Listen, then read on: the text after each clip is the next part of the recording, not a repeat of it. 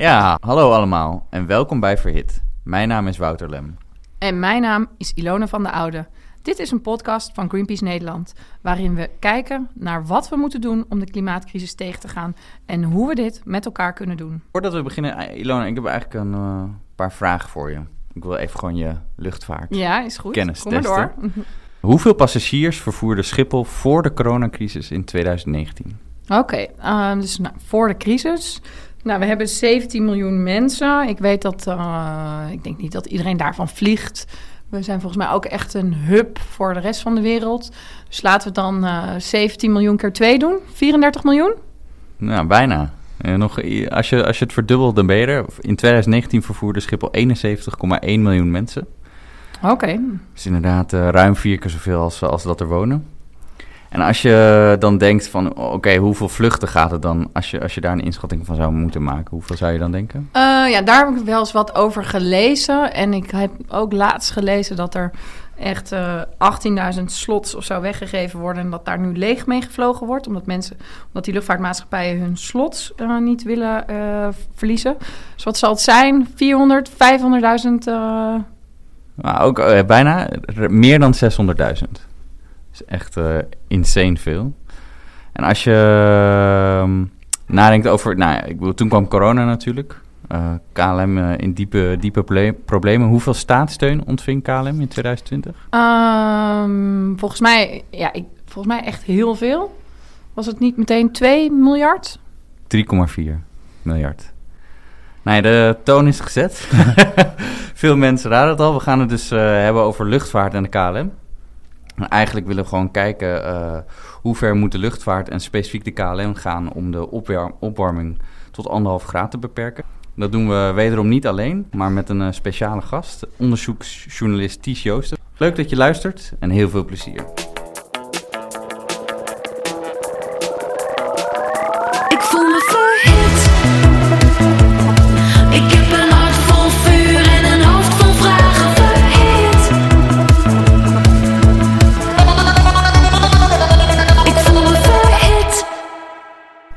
Ja, welkom Ties. Uh, jij bent een uh, klimaatjournalist voor uh, Follow the Money. Ja. je schrijft artikelen over nou, eigenlijk alles wat volgens mij met broeikasgassen te maken heeft. Dus je hebt eerder geschreven over haven van Rotterdam, ja. de KLM, Schiphol, energiecentrales, agrarische Zeker. sector. Ook, ja. Je hebt nu een, een, een boek uitgebracht over KLM, genaamd De Blauwe Fabel. Mooie, Ja. mooie titel. En daarin onderzoek je volgens mij, of, of, of dat, dat staat er ook in, uh, onderzoek je waarom de Nederlandse overheid de KLM al zo lang financieel ondersteunt. En hoe houdbaar hun bestaan is als we de klimaatcrisis uh, willen oplossen. Ik heb het echt met echt heel veel plezier gelezen. Ik had hem ook binnen één of twee dagen uit. Dankjewel. Leest ontzettend fijn. Welkom. Ontzettend Dankjewel. Fijn dat je er bent. Dankjewel. Als eerste natuurlijk de vraag die iedereen wil weten. Hoe kwam je erbij om uh, dit boek te gaan schrijven?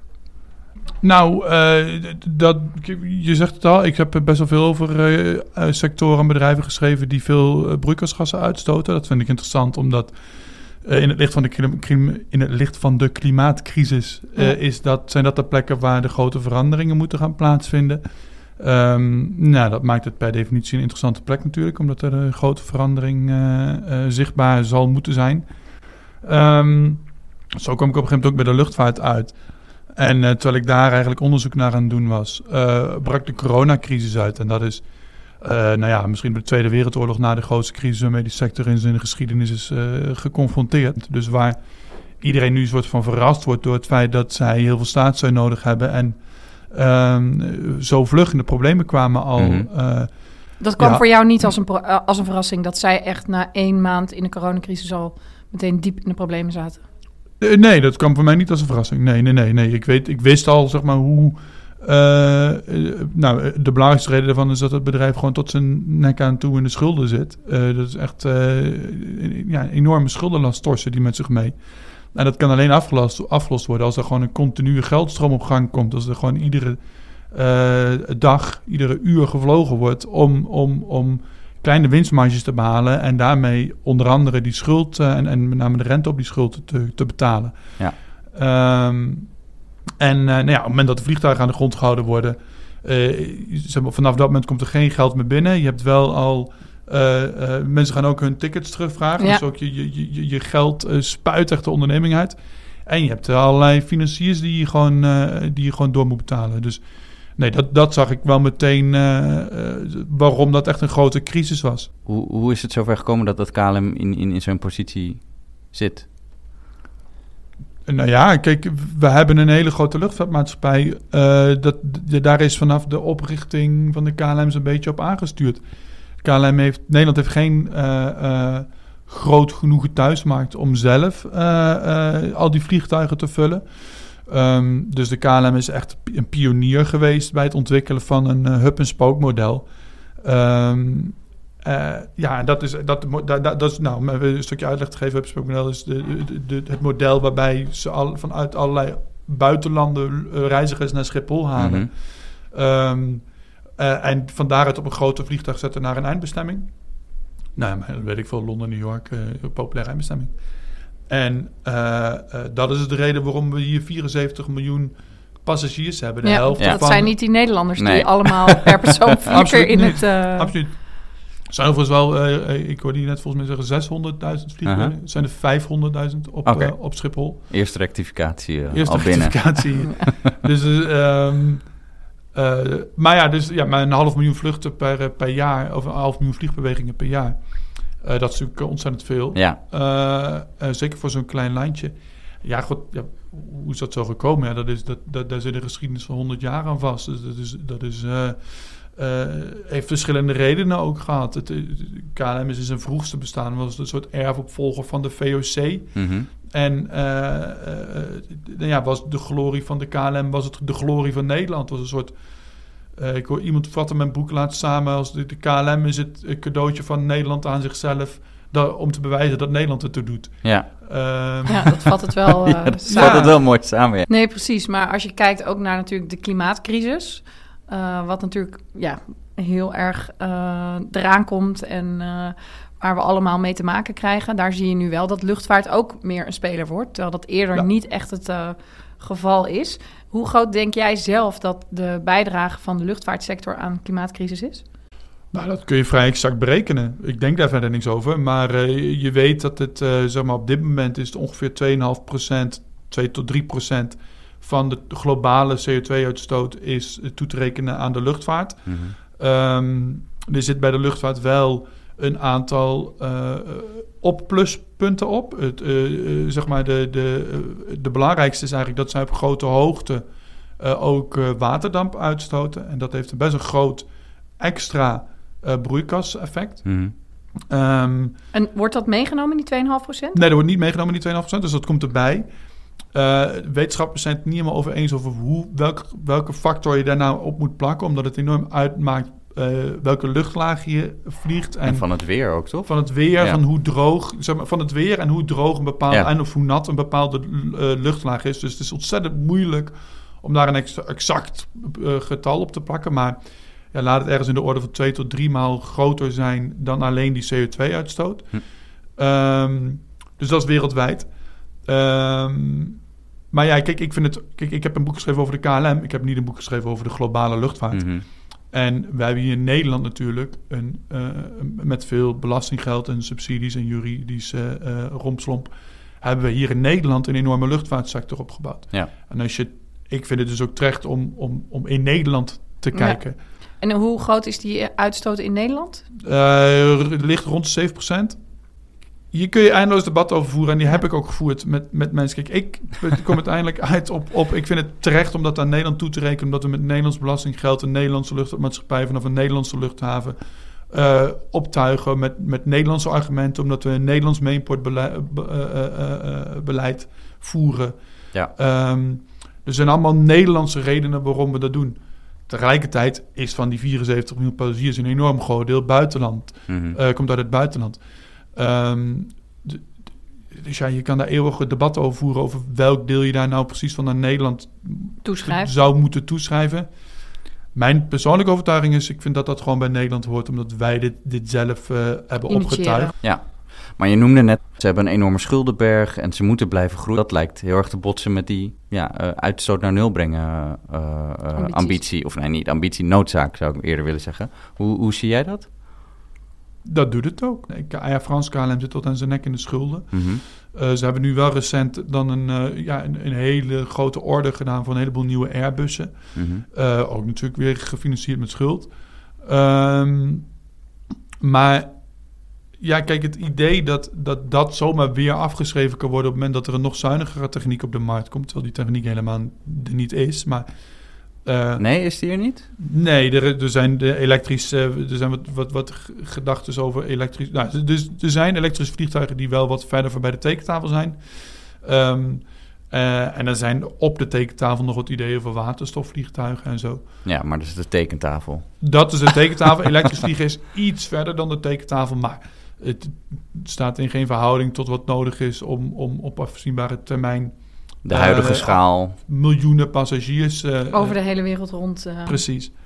Eh, en daar komt dan nog eens bij, als je het dan specifiek over de KLM hebt. En er is helemaal niet gezegd dat de KLM dat geld heeft om daarop in te investeren, mocht die, die vliegtuigen er ineens zijn. Ja, Ehm, want dan moet je je hele oude vloot afschrijven. moeten ze hele oude vloot afschrijven, waar ze dan, die dan nog voor, eh, voor miljarden op de balans staat. Ja, En eh, kijk, of ze verkopen dat aan volgende eh, eh, andere maatschappijen die er dan mee gaan vliegen. mhm. Ehm, als dat niet leidt tot krimp van de luchtvaart, maar gewoon tot, tot dat de KLM dan met, eh, met leuke elektrovliegtuigjes gaat vliegen, maar eh, er gaat geen kerosinevliegtuig de, uit de lucht, maar het komt er alleen maar bij, ja, en dan heeft dat net toch gewoon heel weinig effect. ja, ja. Ik zie eigenlijk gewoon eh, een soort ongeluk in slow motion gebeuren. Want je hebt die schuldenberg, je hebt niet de mogelijkheden om, om te verduurzamen, technisch en financieel. Maar je moet wel gaan verduurzamen. Wat betekent dat voor KLM? Nou, kijk, mijn conclusie is, is een simpele wegstrepen conclusie. Mhm. Het is ook, eh, kijk, als je, als, de, als je door de oogharen bezien ziet dat eh, dit probleem niet louter technisch gaat worden opgelost, Mhm. Ehm, dan is er volgens mij maar één andere optie mogelijk als je toch de CO2-uitstoot naar beneden wil krijgen. Is dat, is dat je moet krimpen. Eh, dat is denk ik de verantwoordelijkheid van de luchtvaartindustrie. Dat ze serieus werk gaan maken aan scenario's eh, eh, die, die een krimp van de luchtvaart bewerkstelligen. Stel, we maken jou een soort van de eindbaas van Nederland of, of, of minister van eh, luchtvaart. Hoe, ja, wat zou je dan met Schiphol en, en KLM doen om, om die krimp te bereiken? Of welke stappen zou, zou je dan ondernemen? Nou, kijk, het gaat om een. het- en dat, dat, dat debat komt gelukkig op gang in Nederland. Maar het gaat sowieso om een integraal idee over de luchtvaart in Nederland. Mhm. Alleen, zeg maar, alleen KLM tot krimp dwingen omdat je toevallig een positie hebt met aandelen en Tuurlijk, als, ja. als financier. Ja. Ehm, Ja. eh, eh, eh, ja, dat, als dan vervolgens de ruimte wordt volgevlogen door Ryanair en Qatar Airways, dan, dan schiet je nog niks Nee. op.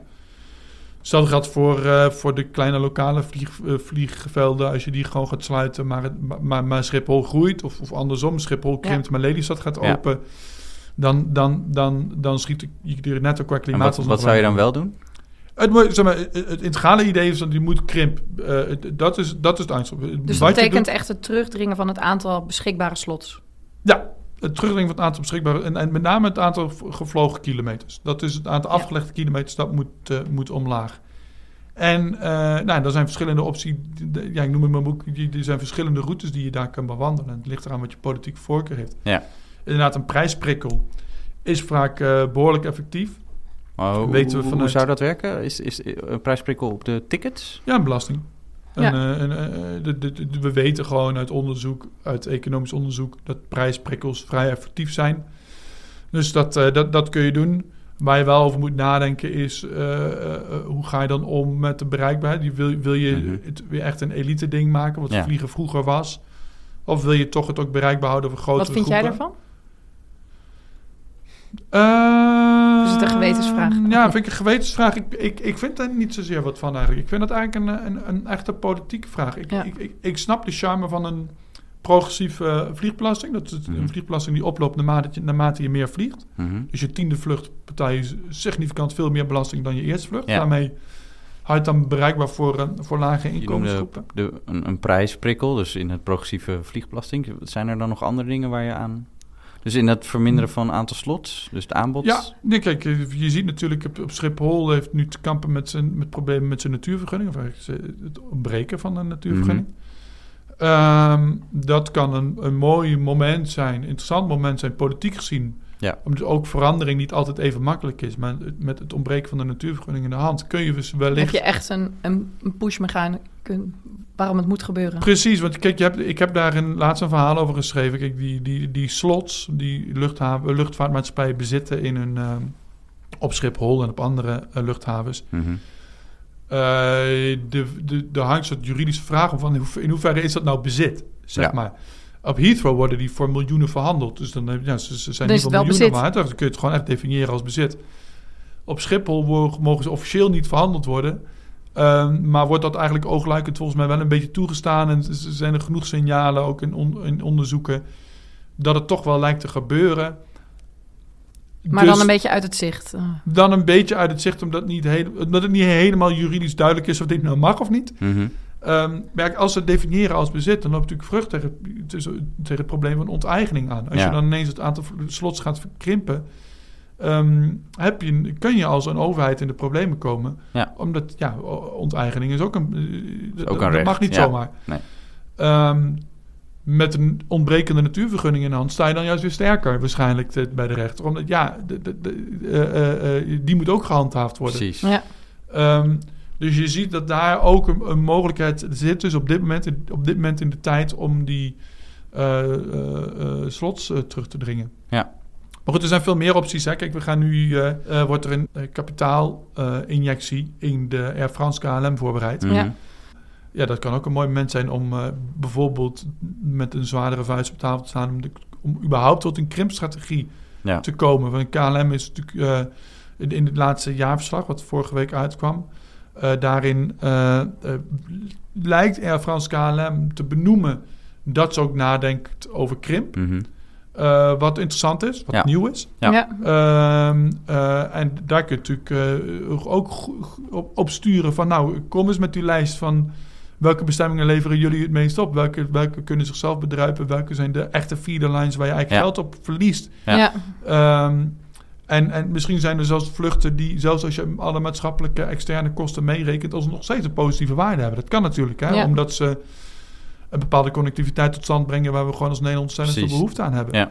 Ehm, Maar, en ik zou die er wel graag een keer geïdentificeerd willen zien. ja, want dat Ja. houden En- ze nu eigenlijk altijd voor ja, en, zichzelf. en onderdeel van het publieke debat. Precies. Hoe zie jij het debat de komende jaren gevoerd worden? Nou, ehm, eh, kijk, dat krimp nu op de, op, in, in, in, de, in de toelichting op de jaarcijfers eh, Mhm. genoemd wordt, is wel echt een major shift. Ja. Eh, eh, de- de- zeg maar, het wordt wel nog gedefinieerd als een van de risico's. En, ehm, eh, eh, dus, dus, dus, dus zeker niet de hoofdstrategie, om maar zo te zeggen. Nee. Ehm, maar goed, dat het in ieder geval al ergens opgeschreven staat. en in de officiële jaarcijfers. Dus Ja. niet zomaar een van de, een van de rapporten wat on- Mhm. in de onderste laken verdwijnt, Nee. maar in de jaarcijfers. En daar gaat het natuurlijk om. In het bericht aan de aandeelhouders over de, over de toekomstverwachting voor het komende jaar, daarin of de komende jaren, daar staat dat ze rekening houden met het inkrimpen van slots. Of dat, dat, ja, dat ze daar- daarover nadenken. eh, over het inkrimpen van de slots op Schiphol. Vanwege het onder andere vanwege het ontbreken van de natuurvergunning. En ook andere factoren nemen ze mee. En ik denk dat je dat voor de komende jaren.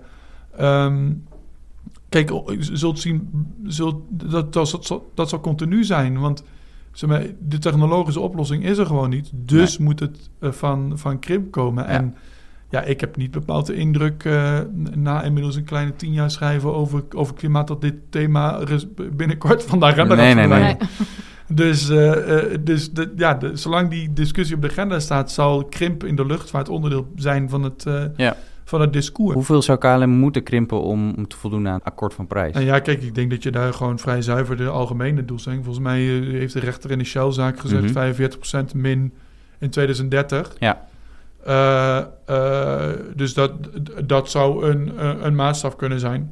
Het probleem is natuurlijk wel dat je in een geglobaliseerde wereld rondloopt, waar dan ja, je toch wel ook iets moet verzinnen hoe je dan met Qatar Airways omgaat. Want het is natuurlijk ook niet de bedoeling dat de KLM zich hier in de kosten eh, werkt. Ja, En dat Qatar Airways dan gewoon vrolijk vliegend het luchtruim binnenkomt om, Ja. eh, om Ja. die ruimte en tegen, tegen het tientjes goedkopere vluchten Nee, aan te nee, nee, dat iedereen daarmee gaat vliegen. Dus eigenlijk kom je dan vlug ook weer op het punt van, ja, dan weet je, dat moet dan een Europese grensbelasting worden of... of, of, of moet het echt Europees of nationaal gehandhaafd gaan worden? Eh, ja, onder meer, ja, ja, ja, zeker. Maar je moet ook, ook aan die grensbelasting en dat, dat, dan kom je al eh, op het speelveld van de WTO terecht en eh, internationale handelsregels. Ja. En, en dat maakt dingen wel complex. Ja. Ehm, maakt dat je niet zomaar een pasklare oplossing klaar hebt liggen die dan eh, voor KLM en Schiphol geldt. Nee, maar dat ontslaat ons weer niet, denk ik, van toch wel de... Kijk, we, hebben, we- we zijn als Nederland leidend geweest bij die beweging richting de, de groei van de luchtvaart. Mhm. en, en, en, en het creëren van een grote luchtvaartsector in Nederland. En het zijn van een van de grote hubs in Europa. Ehm, daar hebben we, dat beschrijf ik in mijn boek, daar gaat de meeste aandacht aan mijn boek uit. Er, eh, maar, eh, tien hoofdstukken heb ik het over hoe we daar eh, op in hebben gezet. Mhm. Ja. En eh, één hoofdstuk heb ik het over het klimaat.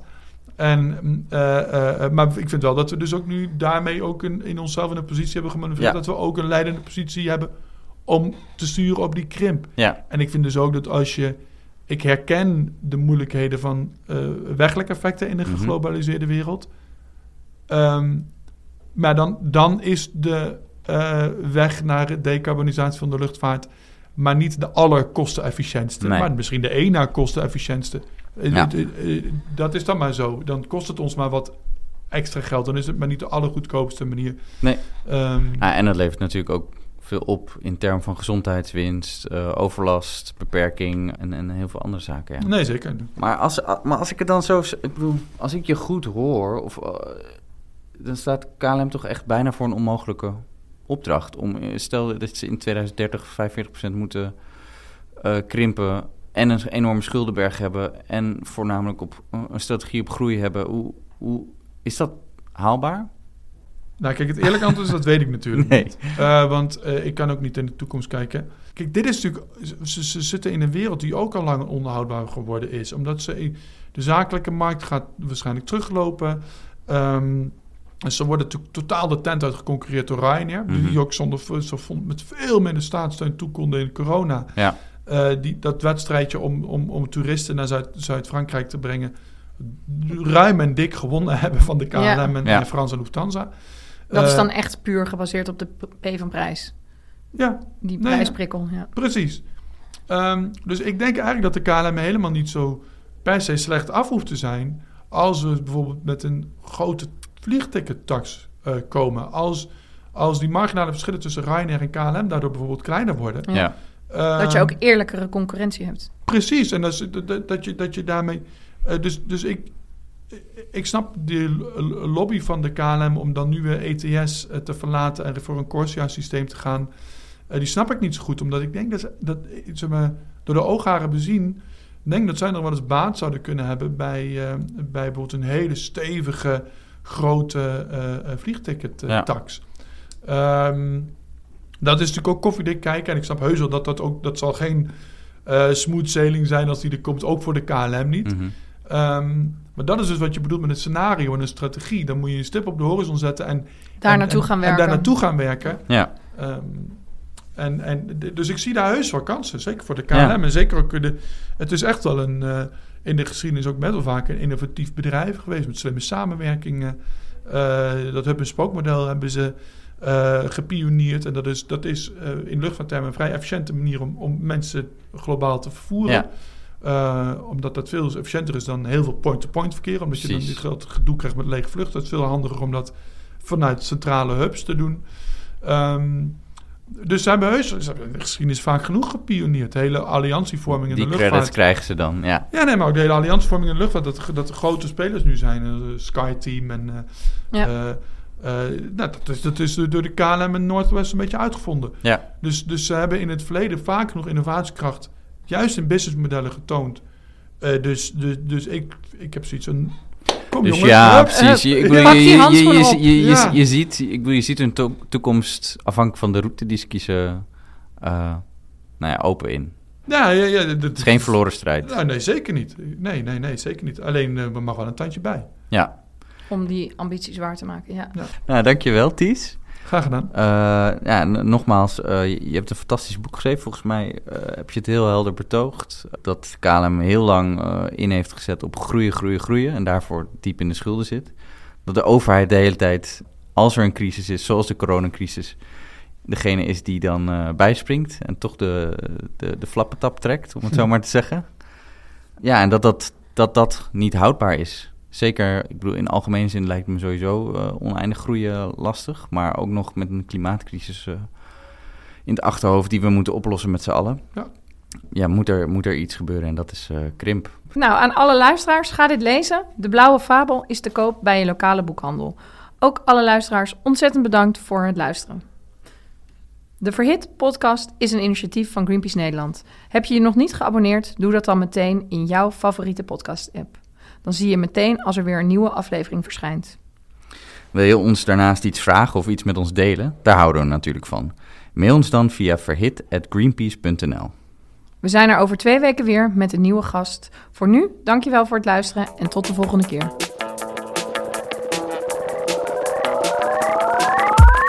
Want als ik zeg dat het soms lijkt alsof de tijd alleen maar tikt terwijl we liggen te slapen. Ik wil iets bouwen, wil de handen uit zou kunnen balen, maar er valt toch niks te halen. Uit verslagen zitten hopen op actie. Het is niet te laat om iets te delen, iets te delen, helemaal.